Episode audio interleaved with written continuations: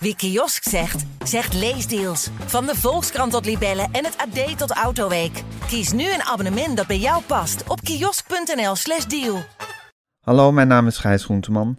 Vandaag, op donderdag 15 juli, kwam het uh, bericht dat Peter R. de Vries, na de verschrikkelijke aanslag die er ruim week geleden op zijn leven is gepleegd, is overleden. Uh, ruim twee jaar geleden interviewde ik hem in de kast voor deze serie, voor Met Groenteman in de kast, uh, ruim een uur lang. En het leek mij een uh, gepast moment om dat interview nog een keertje aan te bieden. Dus luister naar mijn interview met Peter R. Vries van 24 mei 2019. Ja, dames en heren, dit is weer een nieuwe aflevering van Met Groenteman in de Kast. Ik zit uh, tussen de archiefdozen in de archiefkast op de redactie van de Volkskrant te wachten op mijn gast. Ik heb hier zijn nieuwe boek voor me, althans het is een oud boek dat opnieuw is uitgegeven. En opnieuw van een inleiding is voorzien door de schrijver in kwestie, de gast op wie ik zit te wachten. Hij zegt zelf dat dit zijn beste en belangrijkste boek is. En de nieuwe inleiding die hij erbij heeft geschreven is ook een soort, ja, beginselverklaring over waarom hij het werk doet, wat hij doet en wie hij is enzovoort. Nou goed, uh, hij kijkt uh, aan vanaf de cover van het boek met een uh, helder en doordringend oog. Eentje en de andere is in het donker. Beetje gevaarlijke foto. Alsof je niet in een steegje wil tegenkomen. Gelukkig zit ik nu niet in een steegje. Ik zit te wachten op Peter R. de Vries.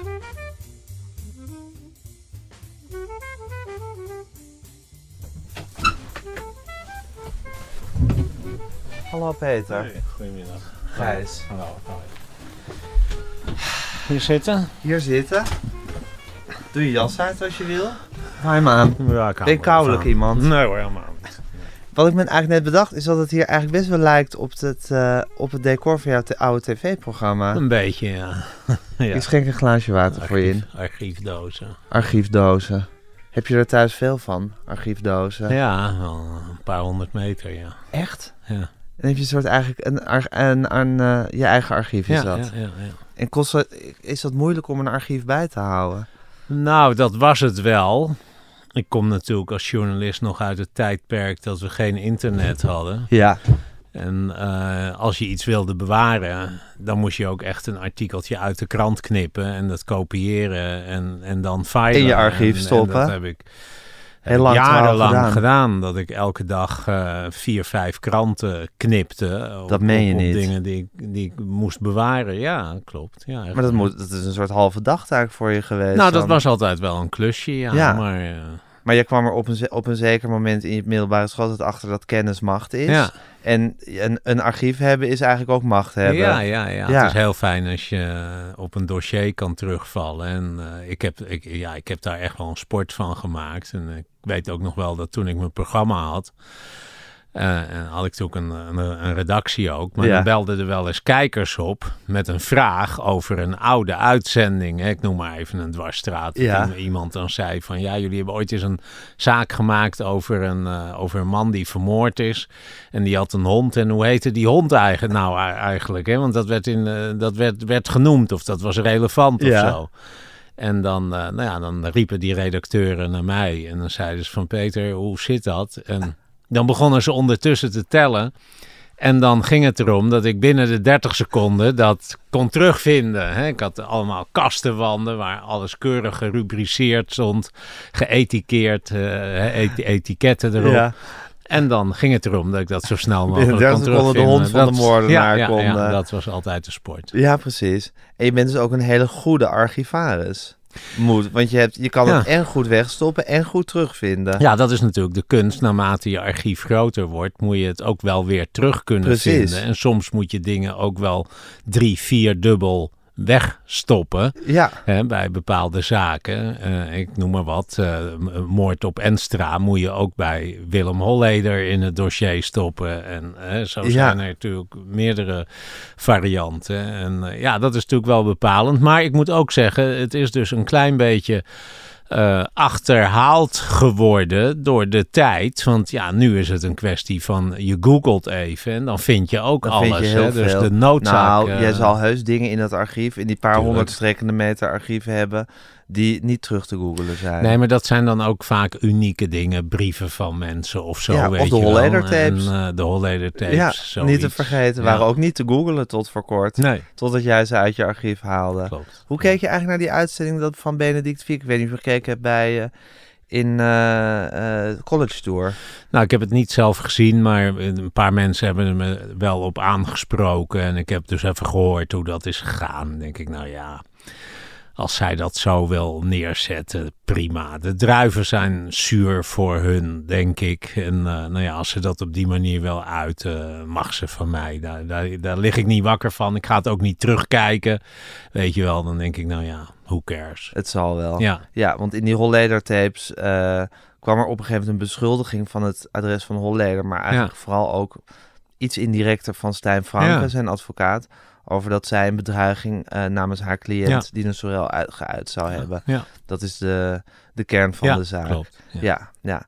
Nou goed, en dat is eh, eh, geëscaleerd tussen jullie. Ja, kan je dat zo zeggen? Nou ja, zij jullie? vindt dat natuurlijk niet fijn dat dat naar buiten is gekomen. En de, de, de Ben jij er nog altijd van overtuigd dat het zo gegaan is? Nou, laat ik zeggen dat eh, dat wel handen en voeten heeft gekregen, eh, enigszins. Vooral ook doordat inderdaad advocaat Stijn Franke, professor Stijn Franke, man met een uitstekende reputatie, Staat van dienst. staat van dienst, dat die, Benedict Fiek trouwens ook zelf. een dat die uitstekende dat, eh, dat die dat stelt. Hè? Kijk, als Holleder dat nou alleen zelf had gezegd, dan had je moeten zeggen, had ik ook gezegd van nou ja, korreltje zout en die beweert wel eens wat meer.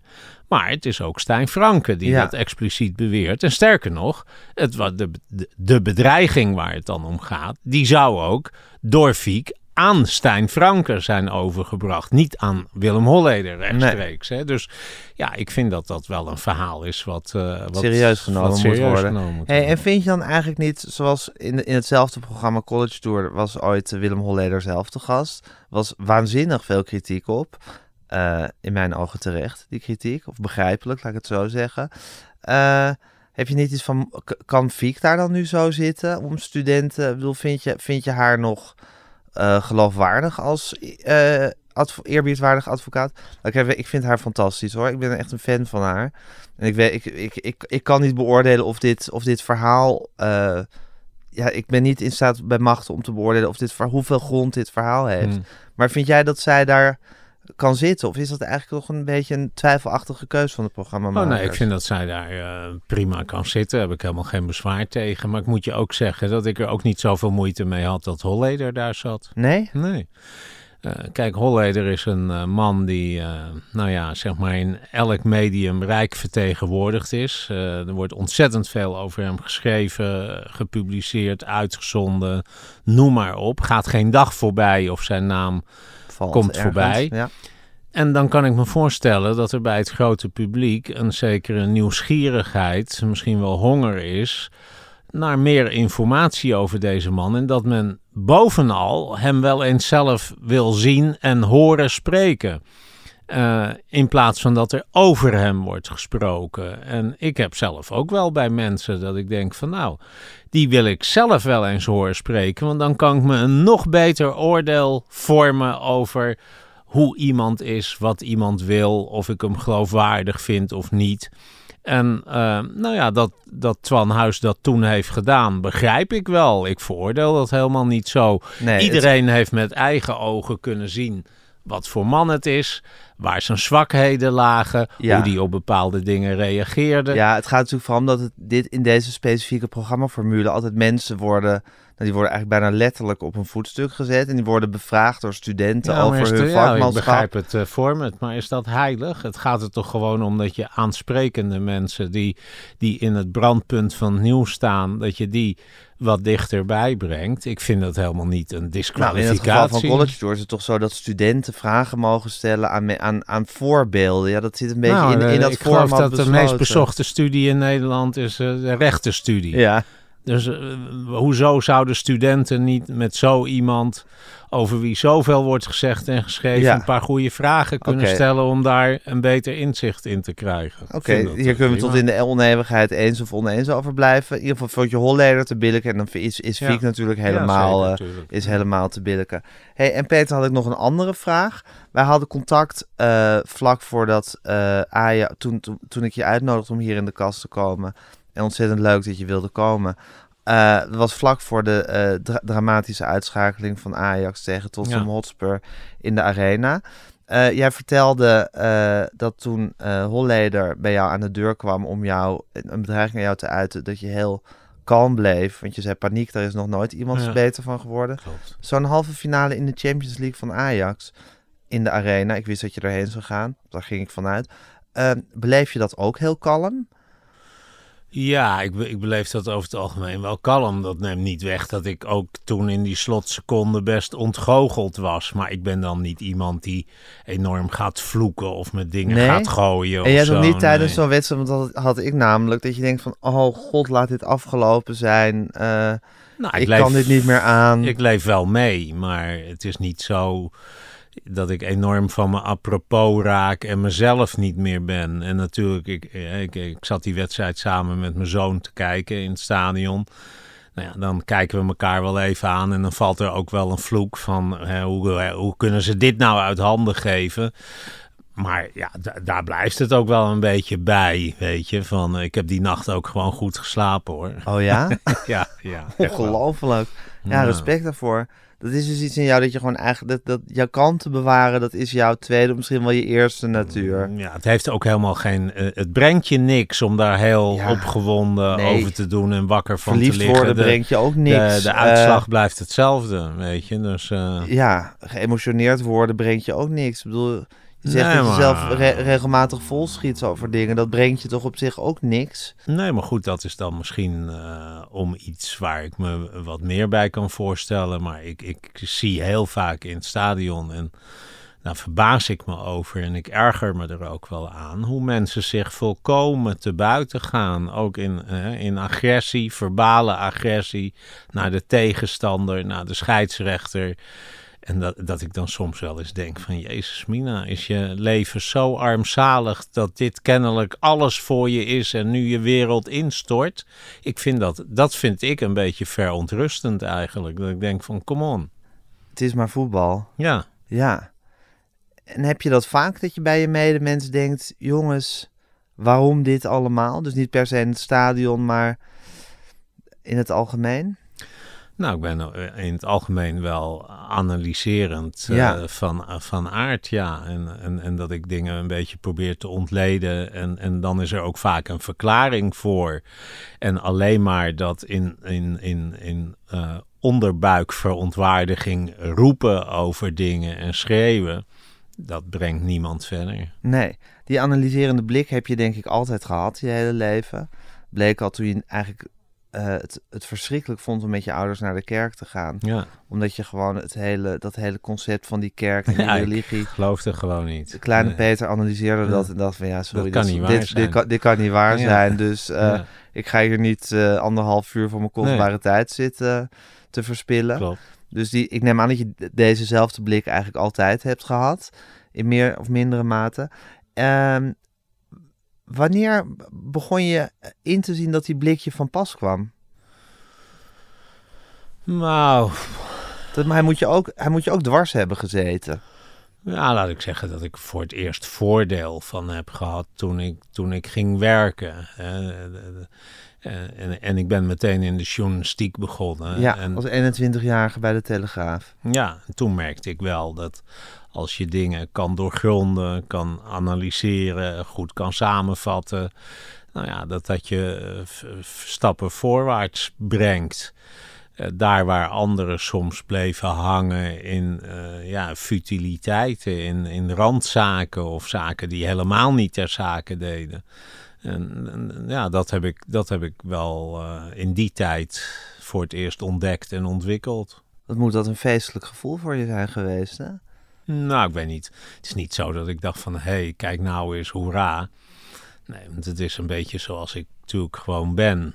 Ja, maar het is wel zo dat je, eh, zou maar zeggen, tot dat moment niet echt baat had gehad van je, eh, van je analyserende, scherpzinnige en nogal deadpan-achtige Hmm. blik. Omdat je, dat, je, dat je ook in problemen had gehad. Je had een Ja. moeizame schooltijd gehad, aanvankelijk moeite Ja. om je in, aan het systeem te conformeren. Ja. Nou goed, dat ging op een gegeven moment beter. Maar dat je ineens een vak vond waarbij je ook echt, zal ik zeggen, een voorsprong had met deze blik. Dus dat het niet iets was wat je achterop hield, maar wat je werkelijk voorsprong gaf. Dat moet toch een soort thuiskomen zijn geweest. Nou ja, dat, dat was prettig. Ja, ik denk, ik denk ook wel dat ik niet toevallig misdaadverslaggever ben geworden. Maar dat dat is om, omdat eh, daar mijn kwaliteiten eh, daar in, in dat vak wordt daar volop aan geappelleerd. En, en, en, en dus ben ik er goed in. Dat is geen toeval. Dat is, dat is gewoon bij elkaar gekomen. Hoe wordt, hoe wordt er geappelleerd aan die kwaliteiten in Ja, dit vak? dan- nou ja, dat heeft te maken met eh, een bepaalde scherpzinnigheid, eh, hè, opmerkingsgave, maar ook een bepaalde volharding, een bepaalde inventiviteit. Het zijn natuurlijk altijd zaken die niet, eh, zoals in, in, in, de, in de parlementaire journalistiek, op de agenda van de Kamer staan.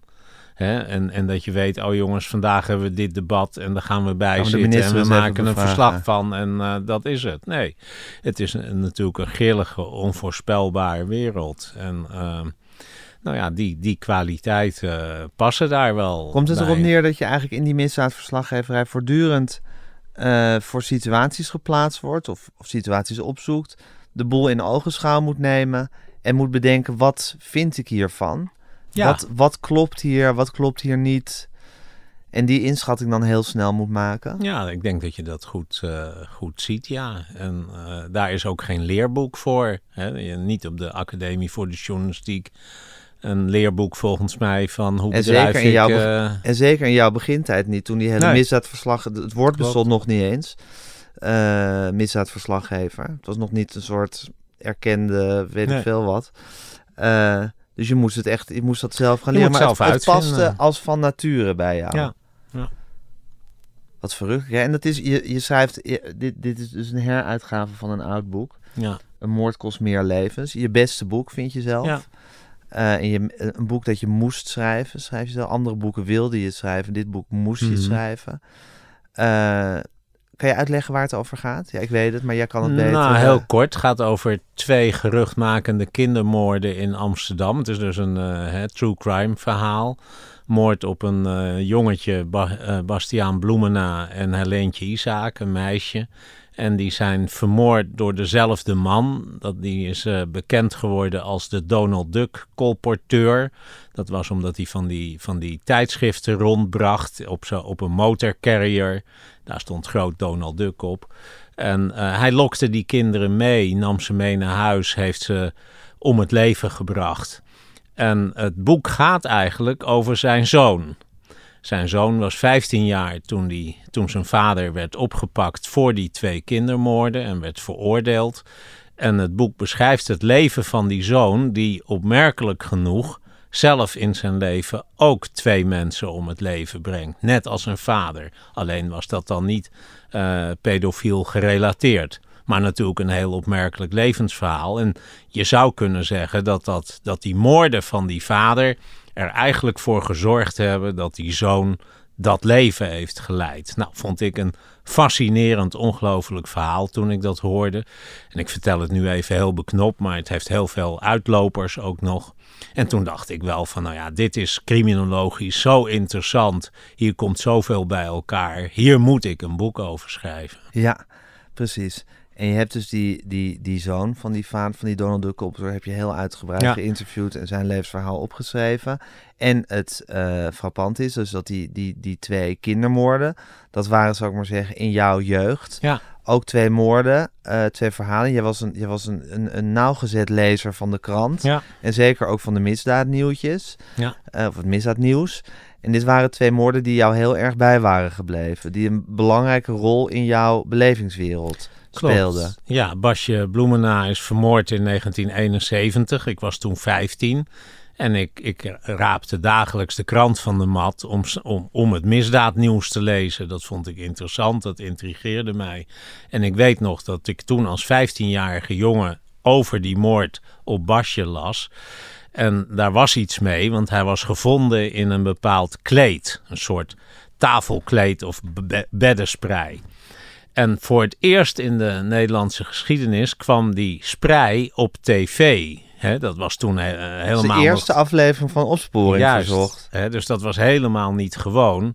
En ik weet dat ik daarnaar heb gekeken. En dat ik toen bij mezelf ook dacht: nou ja, dat moet nu opgelost worden. En dat was een zaak die me, die me fascineerde, die ik op de voet volgde. En toen ik dus later als journalist zijnde hoorde dat de zoon van die kindermoordenaar die ik als, als jongen van 15 eigenlijk dus gevolgd had, dat die ook in de gevangenis terecht was gekomen, ja, was de cirkel een beetje rond. En toen dacht ik van potverdrie, dit is interessant. Dit gaat over die zaak die mij als jonge scholier zo fascineerde.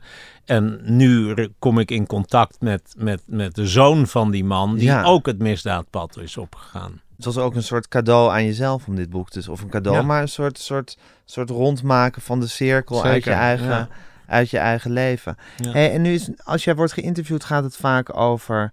Uh, ja, Peter, eh, je bent zoveel met moorden bezig. Weet je nou iets over de slechtheid van de mens of over de moraal of wat mensen...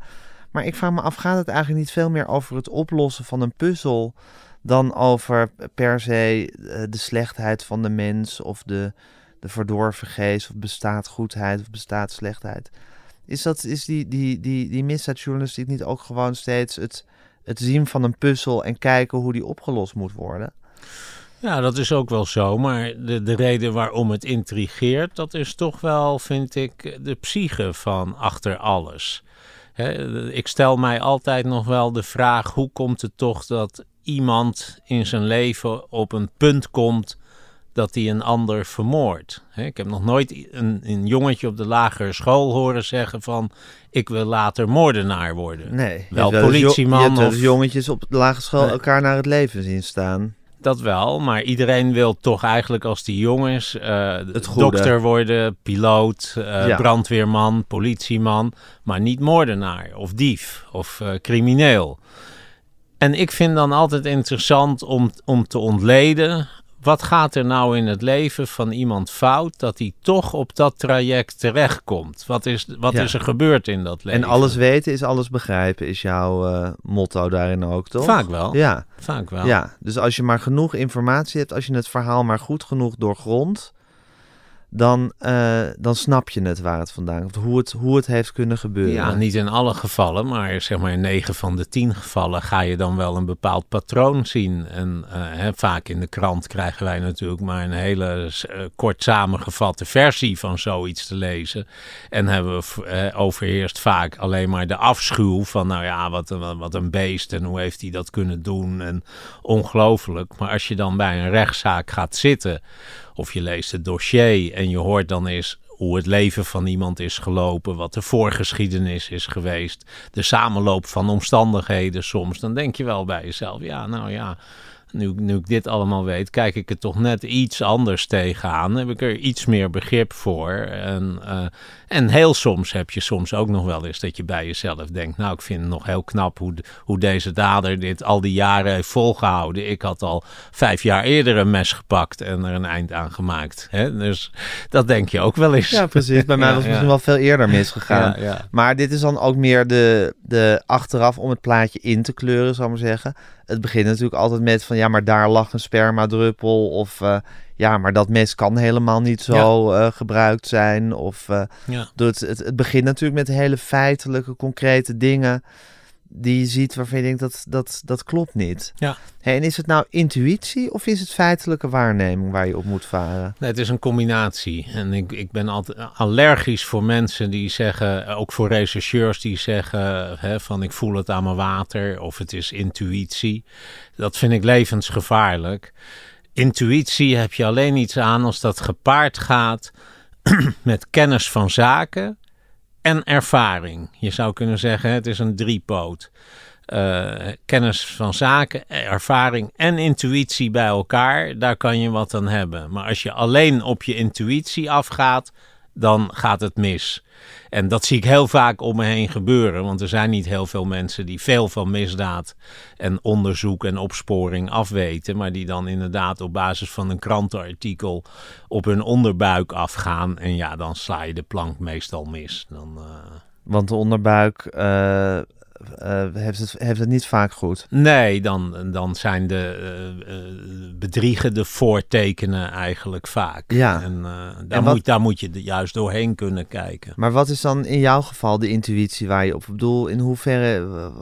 bedoel, ik kan me voorstellen dat je, dat je, dat je, dat je zou maar zeggen, de, de situatie in ogenschouw neemt en denkt van nou dat klopt gewoon niet. En dat kan een heel klein detail zijn. Maar in hoeverre speelt je intuïtie dan nog een rol? Nou, om, om een voorbeeld te noemen. Hè, ik heb me jarenlang bezig gehouden met de Puttense moordzaak. Deze mannen zijn veroordeeld voor de verkrachting en de moord van, op een jonge vrouw, Christel Ambrosius in Putten. En eigenlijk rechtbank, gerechtshof uh, en ook de media gingen er gewoon van uit. Deze mannen hebben het gedaan, er is niks mis mee aan die veroordeling. En ik zat daarbij en ik nou ja, ik, ik hoorde dus dat die vrouw was verkracht. Er was sperma aangetroffen. En uh, dat bleek niet van de verdachte te zijn. Nou, toen zei mijn ervaring en mijn, uh, mijn kennis van zaken: dit is vreemd. Maar daar kwam een verklaring voor. Uh, ja, die ik, die ik, nou ja, waarvan mijn intuïtie toen zei: dit kan niet kloppen. Vergezocht. Ja. Uh, hier moet je dieper induiken. Ze zou eerder seks gehad hebben, toch? Geloof ja, ik. Ja, dat sperma zou... Uh, dat is de sleepspoortheorie. Ja. Ik weet niet of we nu te ver gaan. Maar nee, zij zou de avond voor de moord... Uh, vrijwillige seks met een onbekend vriendje hebben gehad. Sperma was nog in de vagina. Ze is verkracht. De verkrachters zijn zelf niet klaargekomen en hebben het sperma van dat vriendje van de vorige avond uit de vagina gesleept. En zo is dat op haar lichaam terechtgekomen. Nou, mijn intuïtie zei me van, uh, dit geloof ik niet. Nee, dit is wel een hele lange weg voor een druppelsperma. Ja, maar iedereen geloofde iedereen wel. geloofde het, hè? ja. ja. Omdat een deskundige dat zei. Ja, precies. En er was een gynaecoloog die zei, ja, dat kan en dat uh, is mogelijk, et cetera. Maar toen zei mijn intuïtie van nee. Ja, uh, dus dan is inderdaad, hier hebben we dus inderdaad, uh, je ziet het tableau en je denkt van, wat klopt er? Je intuïtie zegt klopt niet. En dan speelt jouw eigenschap ook een rol dat je gewoon altijd bereid bent om tegen de heersende mening in te gaan. Dat vind je geen enkel probleem. Nee, nee dat is ook, ook net, net zoals die kalmte, is dat ook gewoon een karaktereigenschap van jou eigenlijk. Ja, als ik iets anders vind dan uh, wat, wat kennelijk gangbaar is, dan, uh, dan, maakt dat, dan brengt me dat niet snel aan het twijfelen of zo. Nee. En, uh... en is dat nou eigenlijk, als je dat dan, dat he, dan hebt hè, op zo'n moment in die rechtszaal, dat je denkt van, het klopt niet, is dat een triomfantelijk gevoel? Of ook een beetje een ongemakkelijk gevoel? Nee, dat is natuurlijk best wel ongemakkelijk. Hè? Want uh, het is, uh, mensen zullen dat misschien niet geloven. Maar ik twijfel natuurlijk echt wel eens aan mezelf. Hè? Dat ik denk van, uh, zie ik dit nu goed? Of, ja, hè? Of, ik ben dan wel Peter R. de Vries, maar, maar ja, misschien heb ja, ik het ook wel eens een keertje mis. Maar er zit daar toch een gynaecoloog die wat anders beweert. Hè? Dus wie ben ik dan? En dus ik heb natuurlijk ook die twijfel wel. En ik moet dan vervolgens op zoek naar de overtuiging want ik, het begint met twijfel, maar vervolgens heb ik ook die overtuiging nodig. Het is niet zo dat toen ik me in de Puttense moordzaak ging verdiepen en twijfels had, dat ik toen meteen rotsvast van overtuigd was dat die twee mannen Nee. het niet gedaan hadden. Nee, dat heeft een flinke tijd geduurd eer ik echt durfde te zeggen van op basis van onderzoek, et cetera, dat, ik, eh, dat het moment kwam dat ik zei: deze mannen zijn onschuldig. Dat is niet zomaar een positie die je inneemt. Nee, dat is iets wat Ja. je voor jezelf waar moet maken. En dan weet je dus ook op het moment dat je daar zit, eh, met de functie die je hebt en met de eh, karakterstructuur die je hebt. Als ik dit nu bij mezelf bemerk, deze twijfel, denk jij dan, dan weet je ook dat daar een heel lang proces op gaat volgen van Ja. de twijfel onderzoeken. Ja. Helemaal gaan, tot op de bodem gaan uitzoeken of dat inderdaad kan met die spermadruppel, of dat er misschien andere mogelijkheden zijn. En als je de fout vindt, dan weet je ook dat je daar tot, tot het bittere eind in vast gaat bijten in die zaak. Ja, en dus je weet ook dat het eh, het begin is sowieso van een langdurig proces van bemoeienis. Zeker, maar ik heb als misdaadverslaggever natuurlijk wel de ervaring opgedaan dat je een lange adem moet hebben om zaken tot een goed eind te brengen. Zeker, maar ik kan me voorstellen dat als je dan weer in zo'n positie zit, dat je denkt, daar gaan we weer. Dat je, nou misschien wordt het je misschien niet zwaar te moeder, maar dat je ook denkt van oké, daar gaan we weer. Ja, dat dit is, is, zo. eh, dit, dit, dit is nu de eerste, deze, dit, dit spoor van twijfel wat ik nu in mijn hoofd voel, is het begin van een hele lange, eh, van een heel lang vervolgverhaal wat er gaat Ja, komen. dat klopt. Daarom ben ik ook soms eh, jaren en jaren bezig met een zaak. En op zich is het wel grappig dat ik dus die, dat uithoudingsvermogen en dat doorzettingsvermogen daarvoor heb. Terwijl ik van nature eigenlijk erg ongeduldig ben. Dingen kunnen mij niet snel genoeg gaan. En het irriteert me vaak mateloos als mensen treuzelen of traag van begrip zijn of langzaam doen over iets wat in mijn ogen veel sneller kan. Dus eigenlijk is dat een behoorlijk spanningsveld. Ja. Ja. En voel je dat spanningsveld ook zo? Ik bedoel, Ja, als, ja. als zo'n zaak heel lang duurt, als er dan weer heel lang een nieuwe, weet ik veel, wat eh, rechtsgang gestart moet worden, ik weet niet hoe je dat allemaal noemt, dat je dat, je ook, dat, je dat ongeduld in jezelf voelt branden.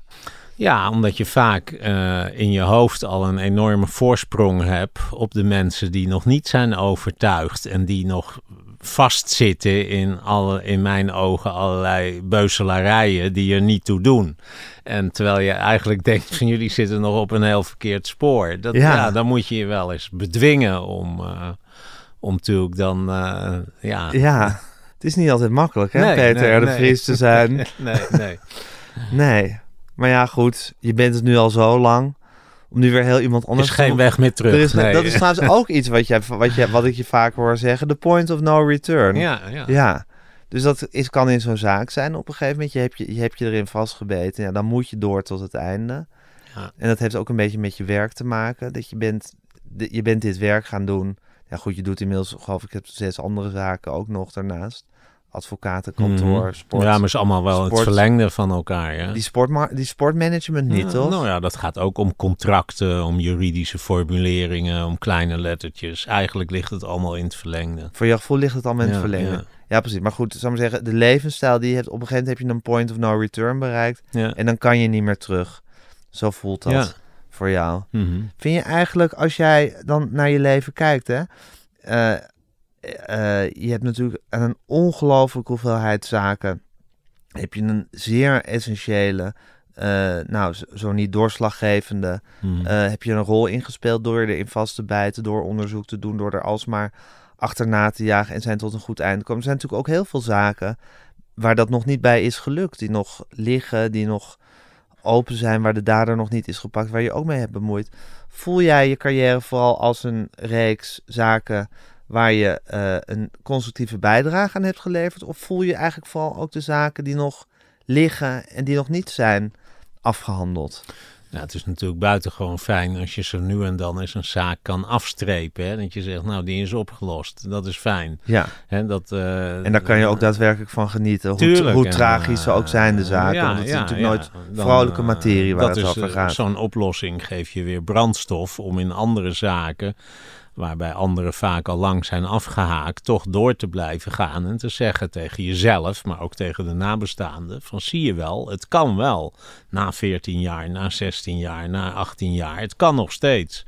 Eh, Dus je hebt die aanmoediging wel nodig om, om eh, door te blijven gaan. En, eh, Ehm, dus ja, ik denk altijd wel aan zaken die nog openstaan. Maar het is ook heel fijn om een lijstje te hebben van zaken waarbij het uiteindelijk gelukt is. Ja, maar eh, ru- hoe, hoe rusten die zaken die nog openstaan op je? Ik bedoel, houden die je wakker? Of is dat... eh, Nou, ik, ik hang een beetje de theorie aan dat als je een goede speurneus wil zijn, eh, dat je vooral goed uitgerust aan de dag moet beginnen. ja, Dus ik lig niet gauw wakker van zaken. En dat is wel, wel fijn.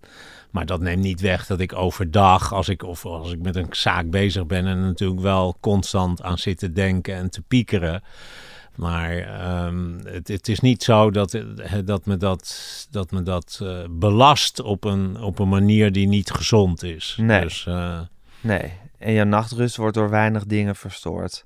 Ja. Ook als Ajax verliest in de halve finale van Dan de slaap Champions ik League. ook goed. Slaap je ja. uitstekend daarna. Ja. En die avond dat Willem Hol- Holleder je kwam bedreigen, dat hij in zijn motorpak voor je, voor je neus stond en jij je boxershort open deed. Heb je toen ook goed geslapen? Nou, toen heb ik best goed geslapen. Maar toen was het wel zo dat om drie uur s'nachts, geloof ik, nog de politie aan de deur kwam. D- die waren eerst niet gekomen, is een beetje een ingewikkeld verhaal. Maar die kwamen toen om drie uur s'nachts alsnog. En toen heb ik ook wel gezegd van, eh, ja, tot morgen hoor, de groeten. ik moet nog even een paar uurtjes slapen. Ja, ja, ja. ja. Ja, is ook belangrijk. hey, en Peter, als je zegt ehm, eh, al die zaken die je hebt gehad, al die moordenaars die, waar je mee te maken hebt gehad en die je hebt, hebt onderzocht, en je zegt eh, eh, begrijpen eh, of weten is, als je alles weet, weten is, zou je het begrijpen. Ehm, dat is eigenlijk ook een soort pleidooi, zou je kunnen zeggen, voor de goedheid van de mens. Je kan zeggen van je hebt met zoveel narigheid te maken hebben. Je zal wel een heel zwartgallig beeld van de mensen hebben. Maar jij zegt van ja, eigenlijk is alles toch ook gewoon te verklaren. En is het niet kwade opzet per se waardoor mensen tot hun eh, slechte daden komen. Ja, klopt. En het is eigenlijk Max Moscovic, de, de oude roemruchte advocaat geweest, die mij daar al heel jong op wees. En, die, en dat begreep ik toen op dat moment niet, want ik wist dat hij in, een, in, een, in Auschwitz had gezeten. En, maar die mij toch zei, ik heb heel veel met hem gesproken, van er zijn eigenlijk, hij zei, ik ken eigenlijk niet of nauwelijks intrinsiek slechte mensen. Het zijn vaak de omstandigheden eh, die hen eh, Slecht hebben gemaakt. En dat kon ik toen niet goed begrijpen, maar inmiddels veel, veel beter. Want ja, zo, die theorie hang ik zelf ook wel aan. Ik, heb in, ik ben 40 jaar misdaadverslaggever, maar ik heb niet zo heel veel mensen ontmoet die intrinsiek slecht zijn. En, en waar je eigenlijk niks goeds aan kunt ontdekken. Nee, nee. En als iemand bijvoorbeeld een soort psychopaat, zoals die moordenaar van Anne Faber bijvoorbeeld. Ja. Eh, ik weet niet of, of, of de officiële diagnose is dat hij een psychopaat is, maar goed, ik noem hem maar even een psychopaat. Eh, is, dat, is, is, dat, is hij dan ook niet Is hij dan, zou ik zeggen, een, een mens zoals jij en ik met een afwijking? Nou, deze man heeft een, eh, een stoornis, ja. En Ja. Die heeft eh, ook TBS eh, gekregen. Niet Dus voor niks. Niet voor niks. Ja. hè. Dus ja, een Je stoornis. moet dat zien is- als een ziekte. Ja. Ja, ja. Kan jij dat ook zo zien? ja, dat kan ik wel zo zien. Ik ben natuurlijk wel gewend om veel van dat soort psychiatrische rapporten te lezen en zo. Hè. Op, op een gegeven moment eh, ja, ga je eh, natuurlijk op alle terreinen raak je aardig geïnformeerd als je maar lang genoeg bezig bent. Dus dan ga je wel bepaalde patronen zien en, de- en dingen herkennen. Dat je zegt, ja, dat was bij die ook zo. En eh, nou, hier speelt dat ook weer, et cetera. Dus ik, ik, ik kan die gedachtegang vaak wel goed volgen. Ja, ja. En dan denk je, hij is gewoon behept met, met deze stoornis. En is daar in feite ook... eh, nou ja, kijk, ik, ik noem wel eens als voorbeeld ook naar mensen. Er wordt natuurlijk heel negatief eh, gesproken in de maatschappij over volwassen mensen die kinderen iets aandoen. Hè, die, die seksueel opgewonden raken als ze eh, met kinderen zijn. En dan zeg ik ook wel eens tegen mensen, hè, we veroordelen dat natuurlijk terecht. Maar ik prijs mezelf gelukkig dat, jij ik, dat niet, die dat, dat ik niet hebt. opgewonden raak van een mooie volwassen vrouw. Ja, Maar je zal toch maar in je hoofd iets hebben waardoor je verlekkerd naar een kind kijkt. Dat, nou, dat vind ik heel eh, problematisch. Het is niet een, een- dat zeg ik dan vaak tegen die mensen, het is niet een soort van universele verleiding waar we allemaal bloot aan staan. Hè. Kijk, als er hier in de, in de gang een kist met goud staat, die open staat, dan heeft iedereen die er langs loopt de verleiding van, hey, goudstaven en hè, wat zal ik? Hè? Dat is een soort universele ver- verleiding. Maar of je een kind seksueel aantrekkelijk vindt, is dat natuurlijk helemaal niet. En als je dan toch die gedachte constant in je hoofd hebt, dan is dat heel lastig. Want als iemand tegen mij zou zeggen: je mag nooit meer naar een mooie vrouw kijken zonder dat je daar. En vooral, je mag er nooit meer aanraken. Ja, of je mag er nooit meer aanraken. Dat is dan nou, het dan probleem. zou, zou ik daar Ja. ook heel verkrampt eh, van raken. Ja, zeker. En hoe zit het met verantwoordelijkheid? Bedoel, eh, ben je als, als, bedoel, ben je als pedofiel dan, of als, eh, laten we zeggen, pedofiel weet niet of je het dan al in praktijk brengt, maar stel je raakt opgewonden van kinderen, dan heb je toch de verantwoordelijkheid om dat vervolgens niet in de praktijk te Tuurlijk, brengen. tuurlijk. Ja. Ja. Eh, maar hoe zit het dan met de verantwoordelijkheid van al die moordenaars en die... Nou ja, het is natuurlijk het feit dat je die gedachte hebt, is natuurlijk never nooit een vrijbrief om, om daar maar nee. gehoor aan te geven. Maar je moet wel onderkennen, ook als rechter, dat iemand kennelijk dat soort gedachten heeft. En, en dus eh, is er sprake van een stoornis of een afwijking. Ja. Nou, dat moet je onder ogen zien. Ja, en, eh, eh, maar dat geldt dus ook voor al die moordenaars in wie jij je verdiept hebt. Dat je denkt van, nou, ik, ik, ik, ik snap dat ze gekomen zijn tot het punt waar ze gekomen zijn. Dat je op het punt staat om iemand anders van het leven te beroven. En dan nog heb je natuurlijk uiteindelijk de verantwoordelijkheid Tuurlijk. om het niet te doen. Ja, tuurlijk. Ja. tuurlijk. Had je hier met, met, met Cor van Hout eigenlijk gesprekken ja, over? Ja, ja, juist. Ja, Die gingen echt hierover, Ja. over dit soort dingen. ja. En wat, wat was dan jouw positie? En wat- Hij was, eh, hij was een van de Heineken-ontvoerders. Eh, eh, vroeger maatje van Holleder en compagnon. En hij was een hartsvriend van jou. geworden. Geworden, omdat je dat boek met Ja. hem eh, geschreven hebt over Ja. de Heineken-ontvoering. En ik vond het heel interessant om met hem over dat soort dingen te hebben. En als ik dat nou heel kort moet samenvatten. Ik heb me wel eens afgevraagd natuurlijk, waarom ben ik journalist geworden? En hij, die hemelsbreed 10 kilometer bij mij vandaan woonde, even oud was, ook Ajaxiet was en een, een sportliefhebber. Waarom is En hij nou een niet-roker? Waarom, belangrijk eh, punt. Ja, waarom is hij nou een crimineel geworden? En ehm, toen ik met hem eens in gesprek was, eh, kwam er iets naar boven wat dat aardig illustreert. Ehm, ik vertelde toen dat ik in Amstelveen ben opgegroeid, hè, keurige gemeente, in een, eh, in, in een keurige wijk en in een gewoon gezin. En als ik kattenkwaad had uitgehaald, wat eh, natuurlijk heus wel eens gebeurde, en er kwam politie aan de deur, dan hadden mijn ouders als eerste reflex eigenlijk door te zeggen: wat moeten de buren hier wel niet van denken? Dat was iets wat hen bezig hield. Hè? Niet zozeer van, nee, wat moeten de buren hier wel niet van denken? En ik vertelde dat aan Cor van Hout. En die zei van, ja, ik snap wat je bedoelt. En hij zegt, ja, ik woonde in de toen nog verpauperde staatsliedenbuurt in Amsterdam. En eh, ik haalde ook wel kattenkwaad uit. En dan kwam er ook politie aan de deur. En dan kwamen even later ook de, als de politie weg was, kwamen de buren ook bij ons aan de deur. En weet je wat die zeiden? Wat moesten die klerenlaaiers hier? Snap je het verschil in opvoeding? het perspectief dan? was Het precies andersom. Ja, was precies andersom. Ja. En eh, nou, dat, toen hij mij dat vertelde, dat was voor mij toen een enorme eye-opener. Dat ik denk, oh, wacht even, natuurlijk. Zo gaat dat. ja. En dat maakt dus heel erg uit. Hè, als je dan de vraag wil beantwoorden: waarom is de een een crimineel en de ander een, eh, een journalist geworden? Nou ja, dan kom je een klei- piepklein beetje. Spelen allemaal andere factoren ook een rol, maar kom je een beetje in de buurt. Ja, en dan nog zal je hem toch ook wel eens de vraag hebben gehad: hoe vond je het niet eh, hebben gevoerd van is het niet gewoon. Voelde je nooit een soort. Eh, ik, heb, ik heb het boek ooit gelezen, maar ik weet niet of dit Hmm. letterlijk erin behandeld wordt. In ontvoering Freddy Heineken. Maar dat je je afvroeg van. Ja, maar Cor, toen jullie die Heineken gingen ontvoeren, voelde dat niet gewoon verkeerd? Om zo'n zo'n man op leeftijd en zijn chauffeur uit een auto te slepen en dat allemaal te doen. Ja. Ik bedoel, los van of de politie vroeger je vijand was of als, als, als, als, als het gezag werd gezien. Ja. Ik bedoel, gewoon de, de, menselijke, de Ja. menselijke vraag. Tuurlijk heb ik met hem daarover gehad. En eh, hij heeft mij toen iets voorgehouden. Waar ik ook weer wat van geleerd heb. En waar ik zelf ook, oh, zelfs ook nog ooit een, een boektitel aan heb gewijd. van een ander boek wat ik heb geschreven. En dat heette Alleen huilenbalken hebben spijt. Ja, Ja, ik heb hem dus wel gevraagd van... Cor, ja, maar hoe heb je dat kunnen doen? En hoe kijk je er nu op terug? En toen zei hij tegen mij...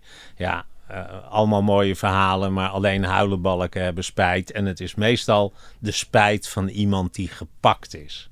Ja. Snap je? En nou, daar vond ik hem dan wel altijd weer eerlijk in. Dat hij het niet mooier probeerde Daarom te mocht je hem maken ook graag. dan nee, maar dat gaat nog over de spijt achteraf. Maar ik heb het ook over het moment dat je dat je, dat je, je afvraagt. Iemand die je mag, die als een vriend bestaat. Van ja, maar voelde je gewoon op het moment zelf niet, niet rottig over het feit dat je die man Zij zagen het die- als een eh, avontuur.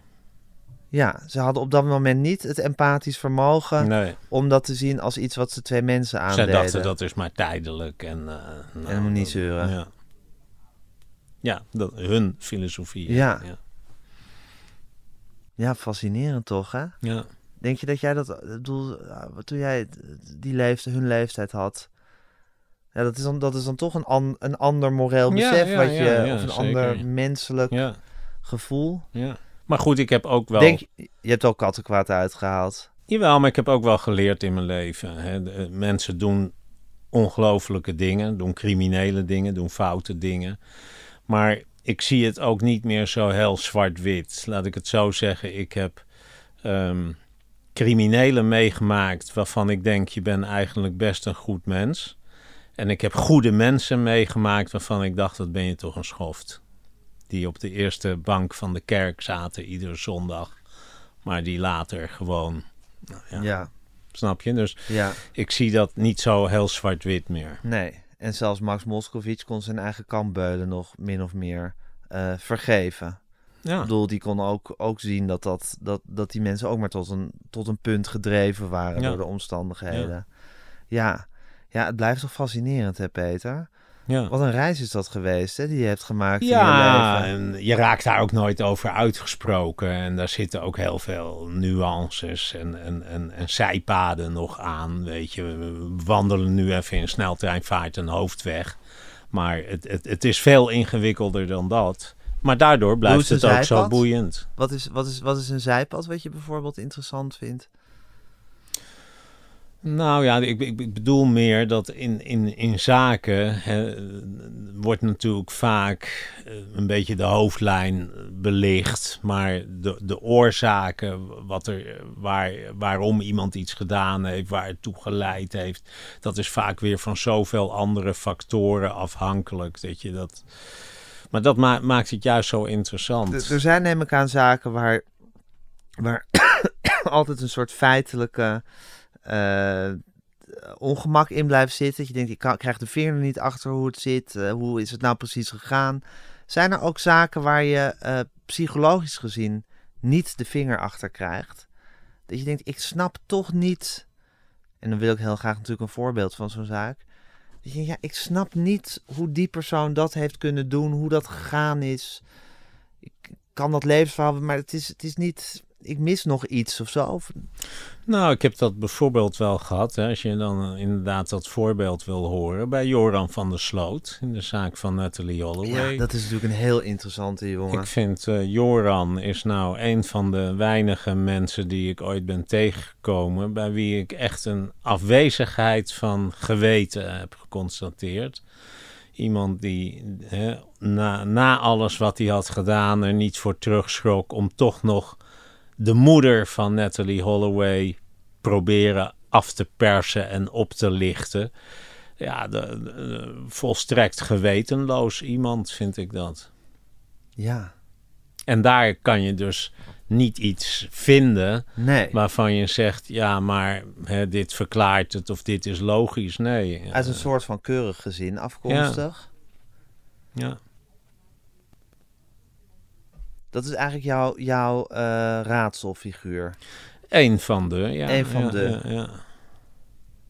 En heb je ooit, dacht je in het begin, heb je ooit gedacht dat je hem begreep? Ik bedoel, Nou, ni- ni- niet gedacht dat ik hem begreep, maar ik kon me wel voorstellen wat er misschien min of meer was gebeurd. Hè? Eh, het zijn mensen, jonge mensen op een eiland in een vakantieachtige sfeer. Dat je dan met elkaar op stap gaat en dat het anders loopt dan je denkt. Daar kan ik allemaal in meegaan. Dat kan ik volgen. Hè? En, eh, en dat het dan vervolgens fout afloopt, ook nog. Hè? Dat er iets gebeurt waardoor ja, waardoor dat fataal afloopt. Dat is allemaal nog te volgen. Maar dan komt het traject. Hoe ga je daar verder mee om? Hoe kijk je daar tegenaan? Hoe leg je daar verantwoording over af? Hoe zit je daar verder mee? En ja, dan, dat, dat zijn de fase, is de fase waarin hij begint, mij begint te verbazen door een gebrek aan geweten. Ja. En, en, en, Ja, en- en- Waar misschien iemand met een stoornis nog zal proberen het, het goede pad te bewandelen. En af en toe bevangen wordt door zijn driften en iets verschrikkelijks doet. en door spijt. En door spijt. En, vroeging. eh, en vroeging en dan de- toch het nog een keer in herhaling vallen. En weet ik veel wat je allemaal kan voorstellen. Is het bij hem gewoon een soort consequent eh, het slechte doen. Ja, ja. En nu heb je tegenover hem gezeten. Dat weet ik, want hij heeft een glas wijn in je gezicht gegooid. Ook, ja. Ook dat nog. Eh, een van zijn minst erge misdaden zou je kunnen zeggen. Ja, maar dat was natuurlijk omdat ik hem door had. Hè? Dat, dat voelde hij. Hij zat daar toen aan tafel eigenlijk. Paul Witteman was en, het. En, en ja, dat, dat pakte toen wat anders uit. En hij voelde wel van, ja, dat hij mij niet overtuigd had. En dat... Was dat, was dat voor of na de ontmasseringsuitzending? Daarvoor eigenlijk? nog. Dat was voor de ontmasseringsuitzending. Ja. Maar je was, je was toen al bezig met die... Of je had Mhm. hem toen al aangekondigd, die uitzending? Nee, nog niet aangekondigd. Nog niet Nee, aangekondigd. Nee, nee. Maar er liep wel toen het een en ander al. En, eh, En dat wist hij en dat wist jij. nou, hij wist niet dat dat liep natuurlijk. Nee, hij wist niet dat hij gefilmd was al die tijd in die auto. Ja. En hij voelde dat jij hem door had. Ja. Ja, en dan is het een man die eh, impulsief reageert. En dat heeft ook eh, twee vrouwen het leven gekost. Ja, Om niks. het is toch krankzinnig dat je gewoon tegenover die jongen hebt gezeten. Dat je daar zoveel... Ja, mensen zeggen wel eens van in de loop van de geschiedenis... je moet, je moet iets doen of zo. Ik bedoel, voelt het niet ook eh, voor jou heel onbevredigend... dat hij daarna nog een moord heeft gepleegd? Ja, dat is ook eh, heel onbevredigend. Dat is natuurlijk ook heel erg. Eh, en dat was ja, niet nodig geweest. Ik ben ook van overtuigd dat als politie en justitie op Aruba eerder in actie waren gekomen, meteen na de verdwijning, ja, dat dat dan allemaal anders was gelopen. Maar, Ja. maar goed, eh, ja, dat, eh, dat is niet gebeurd. Nee, zoals dat wel vaker natuurlijk. Ja, ja. dingen niet zijn gebeurd. Ja. Maar ook hierover moet je, of hier moet je eh, analytisch en eh, cool over zijn eigenlijk. Dat heeft geen zin om daar je, de haren over uit, het ho- uit het hoofd te trekken, eh, te gaan stampvoeten. Nou ja, niet over te gaan stampvoeten. Kijk, ik, ik denk dat ik wel bekend sta als iemand die gedreven is. En dat ben ik ook. Hè. Ik, kan, ik kan echt wel fanatiek zijn in wat ik doe. Eh, ik, kan niet iets half doen. Hè. Dus ook in dit soort zaken ga ik tot het gaatje uit een, eh, uit een gedrevenheid. Maar ja, het, het brengt je nergens door, door eh, te gaan stampvoeten of je helemaal te, te bezatten of, of weet ik veel Nee. wat. En dat, daar heb ik nooit het nut van ingezien. Nee. Het, nut, het nut van dingen inzien is toch altijd het eerste wat je probeert te doen. Ja, voordat ja, je ze ja. gaat doen. hey Peter, zoals je ook probeert bij mensen af te vragen van hoe zijn ze tot hun daad gekomen of hoe zijn ze de mensen geworden die ze zijn. En dat is dan vaak in het negatieve. Maar die gedrevenheid van jou, dat eh, rechtlijnige wat je hebt en dat die, die, die, die neiging om tot, tot het uiterste door te gaan. Heb je ooit geprobeerd te achterhalen waar die, wat, wat, wat de logica daarachter is in jouw leven? Ik weet niet of er een logica is. Het heeft denk ik wel met opvoeding te maken. Ik kom uit een gezin van eh, zes kinderen. En eh, mijn ouders hebben ons altijd voorgehouden. Nou ja, als je iets wil bereiken, dan eh, moet je niet zozeer ons aankijken, maar vooral je mouwen opstropen en, en aan, aan de slag gaan. Als ik als jongen van 16 zei van, ja pap, ik wil graag een brommer, dan zei hij, nou dan moet je ervoor gaan werken. Er was geen haar op zijn hoofd die eraan dacht om zijn kinderen op hun 16e een bromfiets te geven. Nee, als je dat, dan ga je maar werken in de zomervakantie en dan betaal je hem zelf. Nou ja, zo zijn wij opgevoed en ik, ik denk dat geen toeval is dat eh, alle zes de kinderen heel goed terecht zijn gekomen. En wat ze ook, ook doen, Ehm, eigenlijk bij hun werkgevers staan wij allemaal bekend als harde werkers die uh, hun zaakjes goed, altijd goed voor elkaar hebben, hun huiswerk doen. Hè. Dus dat is een soort rode draad in de, in de familie wel. Het stempel van de Vries is ja, dat. Ja, ja. ja. Uh, terwijl je toch met weinig affectie normaal gesproken praat. Ik bedoel, dit klinkt als, een, als eigenlijk een modelopvoeding. Terwijl je met weinig affectie praat over uh, je ouders normaal gesproken. Mm, nou ja. En over het gezin waar je uitkomt. Nou ja, kijk, een van de andere kanten van die opvoeding was dat het wel ook competitief was. En dat je ook wel probeerde om weer beter te zijn dan je jongere of je oudere broer. En dat werd ook gestimuleerd dat door werd je ook ouders? gestimuleerd wel. Door je vader vooral of door je moeder ook? Nou ja, het was gewoon dat was hoe, een het, eenheid. hoe het toeging in Ja. het gezin. Dus jullie werden ook nogal tegen elkaar... Uh, jullie, jullie werden tegen elkaar opgejaagd, zou ik maar zeggen. Nou, Niet opgezet, dat is maar... zwaar uitgedrukt. Maar het was En, competitief.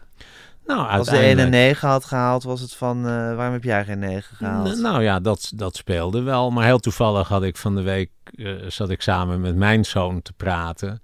En die zei toen ook van ja pap, eh, de- eh, eh, ik herinner me wel, hij is nu 30, dat eh, toen ik, eh, toen hij dus eh, zeg maar zo rond de 15 was, dat, dat wij overal een wedstrijdje van maakten. Ik nam hem altijd mee naar de arena, naar Ajax. En we hebben jarenlang is het een sport tussen ons geweest dat als we dan eenmaal de trappen af waren, wie het eerst bij de auto was. Hè, dan moest je echt nog wel een stuk van een meter of 300 moest je een sprint eh, doen. Hebben we jarenlang gedaan. Van eh, ja, ik ben eerder, weet je wel. En zo hebben we meer van dat soort dingetjes gehad. En, en, en, en toen wees hij me er eigenlijk op van, nou ja, maar je, je zit ook competitief in elkaar. En mijn zoon kan er hartelijk om lachen. We hebben daar, daar pret om. Maar ja, dat is gewoon ook wel iets hè, wat, wat, wat dan in je zit. ja. En om, om ergens in te excelleren, moet je misschien ook wel die, die drive hebben. Hè? Want anders neem je misschien eerder genoegen met een 7. ja. Terwijl als je wil excelleren, moet je die 9 halen en eigenlijk eh, die 10 ambiëren. Ja. Ja, ik vind zelf een 7 ook altijd wel prettig. Nou, ja, Lekker op je gemakje. eh, Ja, Ja, nou ja, daarom maak jij, over maak jij een podcast. ja en, eh, precies. Dan zit jij bij en SBS sta- 6 sta met een eh. Waar zit je Sta ik aan het front. Ja, precies. Nee, dat is helemaal... Zit dat jij hier veilig in de kast. tussen, En, tussen eh, die oude archiefdozen. ja, ja, dan sla je de spijker op de kop, Peter. Ja, een 7. Ik heb gewoon nooit gezien wat er mis mee was. Maar, er is ook niks mis nee, mee, dit, nee, eh, de 7 is voldoende. Ehm, eh, maar je hebt eigenlijk een modelopvoeding gehad, kunnen we zeggen. Nou, dat, eh, ik weet niet of je nu een beetje cynisch Nou, ik probeer je een beetje uit de tent te lokken ja, natuurlijk. nee, nou ja, goed. eh, Maar, dat is, ja, maar dat, is, dat is eigenlijk grappig. Dat vind ik eigenlijk, eigenlijk vind ik het ook weer mooi. Want eigenlijk vind je, zou maar zeggen, feitelijk gezien dat jullie heel goed klaargestoomd zijn voor de maatschappij. En in affectie tekort zijn gekomen. Daar komt het op neer. En eigenlijk met je eigen kinderen heb je het, heb je het allebei willen doen. Ja. Toch? Ja. Ja, het is wat. Heb je er altijd van genoten van het vaderschap? Ja, eigenlijk wel, ja. Hartstikke leuk. En nog. Ik werk nu ook met, met mijn zoon samen. We Ja. zitten samen op één Ja, kantoor. We je zitten, zei net van eh, ik zat toevallig afgelopen week met mijn zoon te praten, maar je moet ongeveer dag in dag elke uit dag de hele dag tegenover met elkaar. elkaar te ja, praten. we zitten tegenover elkaar. En zometeen ga ik weer terug naar kantoor en dan eh, zit hij weer tegenover me. Dus, eh, En dan praten jullie weer verder. maar dat kan natuurlijk alleen maar als je een hele goede band met elkaar hebt. Ja, maar dat is toch een, dat is toch een ongelooflijke eh, eh, ja, doel wat je gehaald moet hebben in je leven. Eh, nou, wat ik, zo- zoals ik zei, eh, dat je altijd nogal, met nogal weinig affectie over je eigen eh, ouders hebt gepraat. Mhm. Dat je dit dan met je eigen zoon hebt bereikt. En met je dochter, maar die Ja. woont ver weg, Ja. heb je ook een heel goed Ja. contact. Ja, dat is hartstikke mooi. Fijn, Ja. daar ben ik blij mee. ja. Waarin vullen jullie elkaar aan, jij en je zoon? Nou, hij heeft, eh, Rechten gestudeerd? hij heeft rechten gestudeerd. Hij is advocaat. Hij is, eh, heeft getwijfeld of hij journalist zou worden. Want ook dat trok hem aan. En heeft hij veel affiniteit mee. Hij is van jongs af aan ook met mij meegeweest naar rechtszaken en noem maar op. Hè. Dus eh, het is iets wat, wat, wat, nou ja, de appel is niet ver van, van de boom gevallen. Maar ik zeg altijd wel ook van, nou ja, hij heeft gelukkig ook de genen van zijn moeder. En ehm, nou ja, dat maakt, die combinatie maakt hem eigenlijk tot een betere uitgave van mezelf. Evolutie heeft zijn werk gedaan. Ja, hij is, uh, hij is wat milder dan ik ben. Door die genen van zijn moeder ook. Zijn moeder is milder dan, ja, uh, dan jij bent. Ja, ja. En, uh, dus, dus dat bij elkaar ja, is een mooie mix geworden. En die mildheid zit dat vooral bijvoorbeeld in dat ongeduld. En in dat, dat het niet er tegen kunnen als mensen dingen niet begrijpen. Of... Ja, ook. Maar ik heb misschien ook in mijn leven iets meer moeten, moeten vechten. Uh, dan hij. En, hè, dus misschien heeft dat ook een uh, rol ja, uit die gespeeld. moeten vechten. Ja, ja, ja dat ja, ja, ja, gereformeerde gezin moeten vechten. Ja. ja. Dus daarom ben je misschien ook... Dus het komt misschien niet helemaal door degene van zijn moeder... maar ook omdat zijn weg iets geplaveirder is geweest. Wellicht, dan, ja, ja. ja. Maar goed, hij is een beter. En die, maar die, die, dat, dat, dat, dat, die vechtlust van jou, die zit hem dus, of die, dat gebrek aan mildheid, wat je bij hem dus zegt van, nou, hij is wat milder dan ik en dat is beter. En dat zit hem in dus dat je nogal ongeduldig kan zijn tegenover anderen.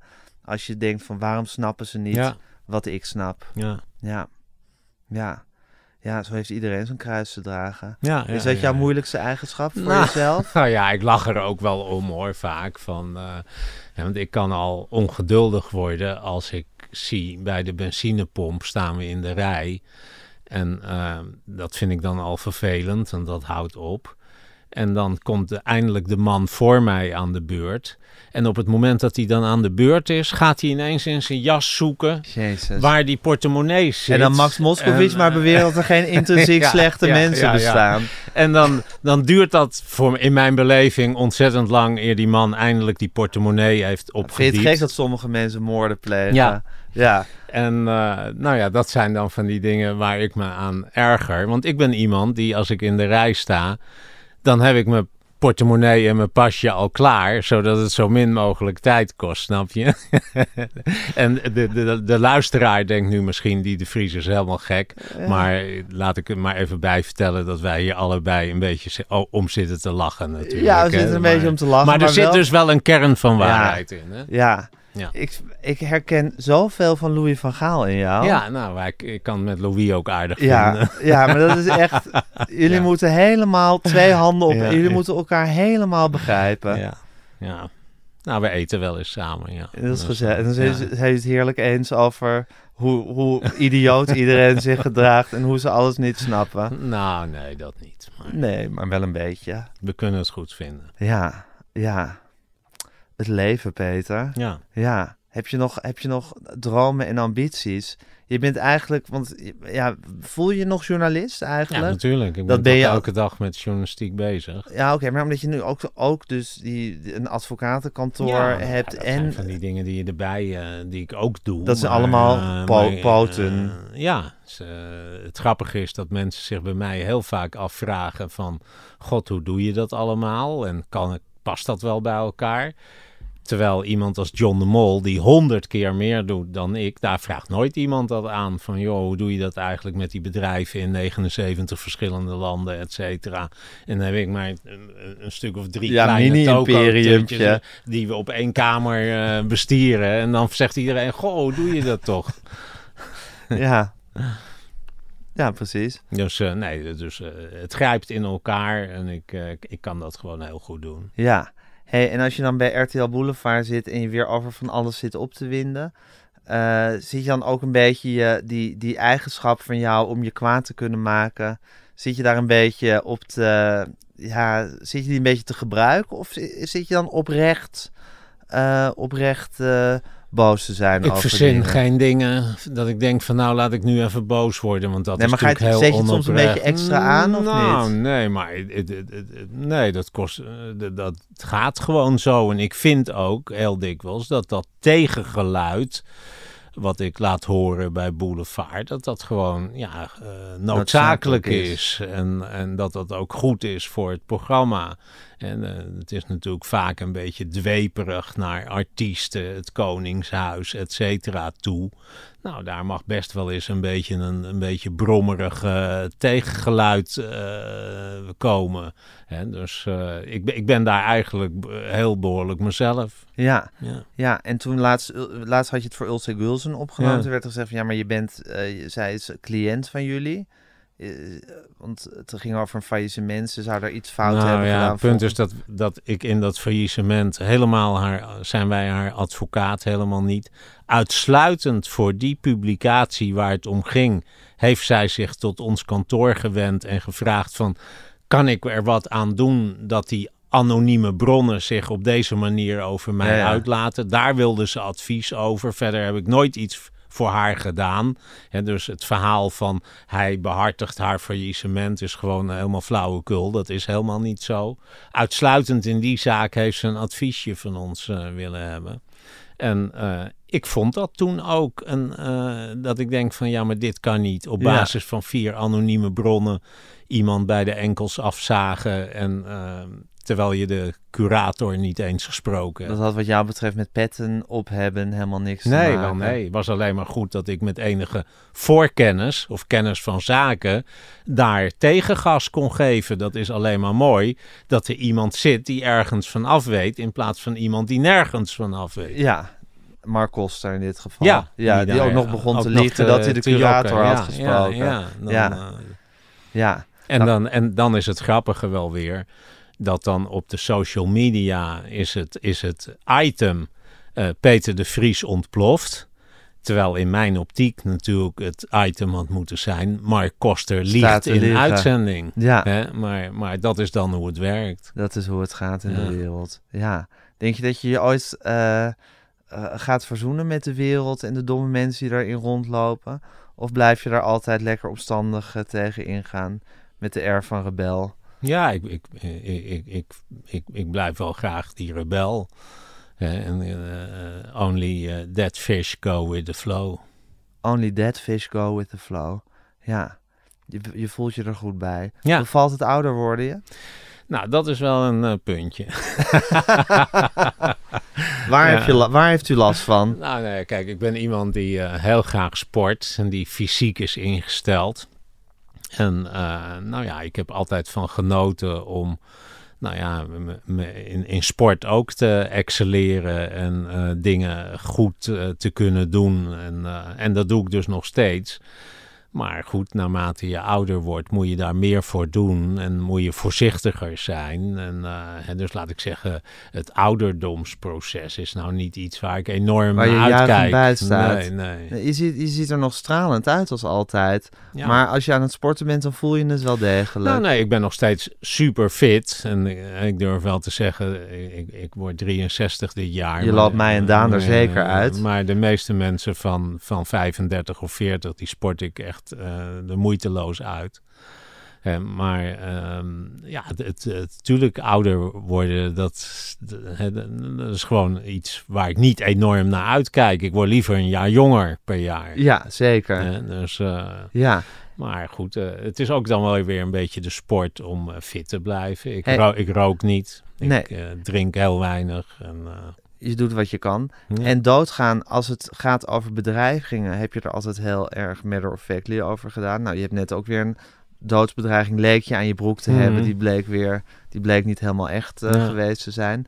Eh, eh, maar dat doe je altijd wel van, ja, dat hoort nou eenmaal bij het vak. Als je daar niet tegen kan, Ja. dan If you can't stand the heat, stay out of the kitchen. Dan moet je Ja. dit vak niet gaan beoefenen. Ja. Maar gewoon de feitelijke dood, die komt eh, eh, omdat je op een gegeven moment stokoud bent. Of omdat je een ziekte krijgt, weet ik veel wat.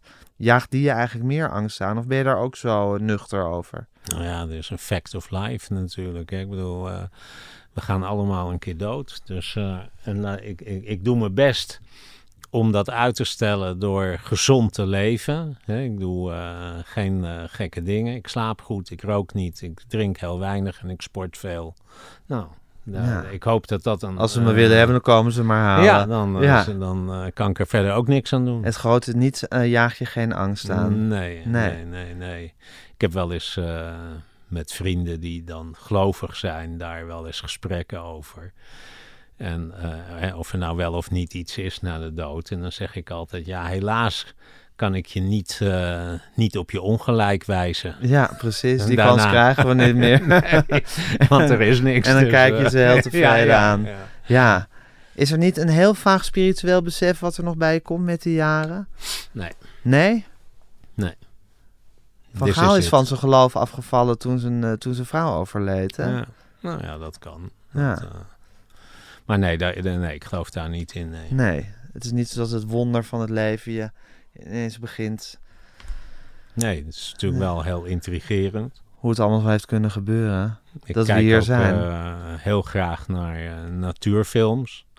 En dan verbaas ik mij over hoe, hè, hoe de wereld en de natuur in elkaar zitten.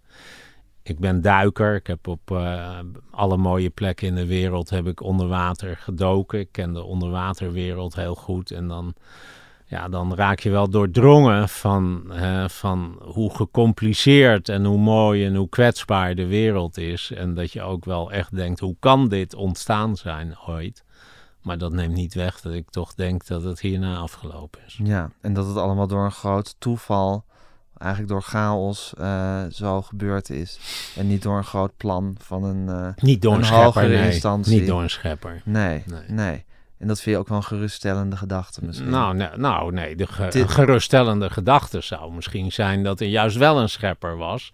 En dat ik door me netjes te gedragen eh, in, een, in, een, eh, in de hemel met, eh, hè, met, Ja. met, met honing en weet ik veel wat eh, terecht zou komen. Dat zou ge- denk je nog wel eens aan je ouders? ja, tuurlijk. Ja. En wat denk je dan? Hmm, maar ja, gewoon eh, herinneringen aan Dan zie je ze eh, weer voor je. Ja. Ben je milder geworden over je ouders in de loop der jaren? Nou ja, kijk, eh, ik wil daar nooit al te veel over zeggen. Omdat, Omdat je je om- broers, je broers en je zus... Je hebt één zus, hè, volgens Eén mij? zus, ja. Nee, maar ook omdat dat vaak ook geen recht doet aan de situatie. Hè. Je gaat praten over iets wat zich gedurende 20 jaar of 25 jaar tijdens je opvoeding heeft afgespeeld. En daar zitten minnen en plussen aan. En ik heb wel de ervaring dat in die interviews natuurlijk vaak op de minnen wordt gefocust. En, eh, en, en dat het daardoor een bepaalde lading krijgt waar ik zelf niet zo'n behoefte eh, aan heb. Dus uh, tuurlijk denk ik wel aan, aan, aan, mijn ouders terug. Maar om dat ook met Mien uit Urk en Truus uit Zierikzee te delen, daar voel ik helemaal niet zoveel voor. Nee. Nou, Min, Min en Truus. Ja. Uh, niks doen. Wat je wel met ons gedeeld hebt, is dit fascinerende verhaal. Uh, hoe kan een mensenleven verlopen? Ja. Ik kijk nu naar je boek, Een Ja. kost meer levens. Uh, ja, een soort, uh, het is een soort Peter R. de Vries beginselverklaring ook, hè, dit boek. Ja, is dat zo? Nou, die inleiding, zo, die inleiding sowieso ja, ja, is al, is al heel interessant. Die geeft wel een beetje iets over mijn drijfveren. heel weer, kort uit de doek, doeken doet hoe het zit. Ja. Ja, het raadsel van de mensen zullen het geloof ik nooit helemaal ontleden. Is maar goed ook. Is maar goed ook. Uh, ik gun je een fantastisch seizoen voor Ajax het komende jaar. Dank je wel. Um, ja, waarom Klaas-Jan Huntelaar er niet in werd gebracht, dat zullen we nooit weten. Nee. Dat behoort ook tot de raadsels van de moderne ja, tijd. Ja, ja. Uh, even goed hebben we genoten natuurlijk. Uh, ik wens je ook een heel mooi jaar. Waar, waar verheug je je op de komende tijd? Nou, niet specifiek iets. Gewoon gezond blijven en de dingen kunnen doen die je wilt doen. Uh, dat is al mooi genoeg. Ja. Hoe, hoe denk je dat de Hollederzaak gaat aflopen? Ik denk dat hij uh, voor één of twee zaken veroordeeld gaat worden. En dat hij dan uh, de rest van zijn leven in Ja. de cel zal doorbrengen. Ja, het is wat. Ja. Ik dank je wel, Oké, Peter. graag gedaan. Tot een volgende keer. Oké. Okay. Dit was Met Groenteman in de kast van 24 mei 2019. Een oude uitzending met Peter R. de Vries. Mijn naam is Gijs Groenteman. Ik maak deze podcast samen met Daan Hofstee. U kunt zich abonneren op deze podcast op alle mogelijke manieren. U kunt ons een mailtje sturen, podcasts.volkshand.nl En u kunt ons volgen op Instagram, met Groenteman.